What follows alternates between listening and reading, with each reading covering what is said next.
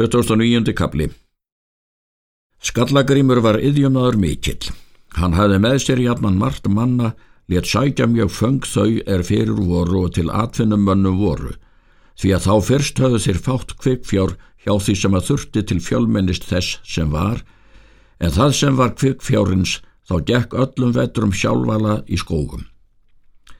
Skallagrimur var skipasmiður mikill, en reka við skorti eigi vestur fyrir mýrar. Hann let gera bæ á Altanesi og átti þar bú annað, let þann að sækja útróðra og selviðar og eggver, er þá voru nóg föng þau öll, svo reka við að láta að sér flytja.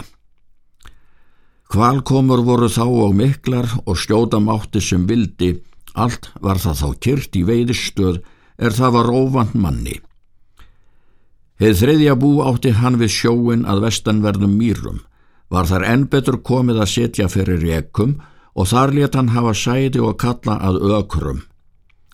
Eyjar lágu þar úti fyrir að kvalur fannst í og kölluð þeir kvalsegjar. Skallagrimur hafði og menn sína uppi við lagsárnar til veiða. Ott einbúa setti hann við glúfur á að gæta þar lagsveðar. Ottur bjóundir einbúa brekkum. Við hann er kent einbúanes. Sigmundur hétt maður er skallagrimur setti við norður á. Hann bjóð þar er kallað var í Sigmundarstöðum. Þar er nú kallað að haugum. Við hann er kent Sigmundarnes. Síðan ferði hann bústað sinn í munaðarnes og þótti þær hægara til lagsveiða. En er framgekk mjög kvik fyrir skallagrims. Þá gekk fjöð upp til fjalla allt á sömrum. Hann fann mikinn mun á að það fjöð var betra og feitara er á heiðum gekk, svo það að söðfjö helst á vetrum í fjalldölum þótt eigi væri ofan rekið. Síðan let skallagrimur gera bæ uppi við fjallið og átti þar bú. Let þar varðveita söðfjö sitt. Það bú varðviti grís og er við hann kendi grísartunga. Stóð þá á mörgum fótum fjárabli skallagrims.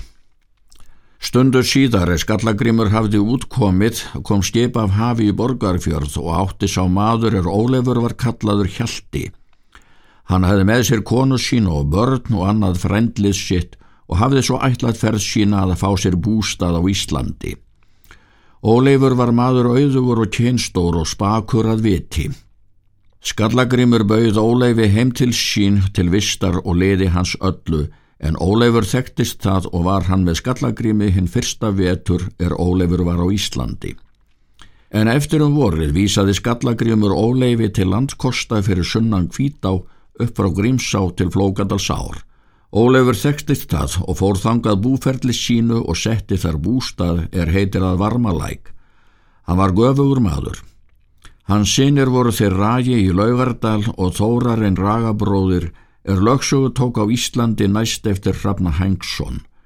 Þóranar bjóða varmarlæk, hann átti Þordísi dóttur Ólas Feilans, sýstur Þordar Gjellis.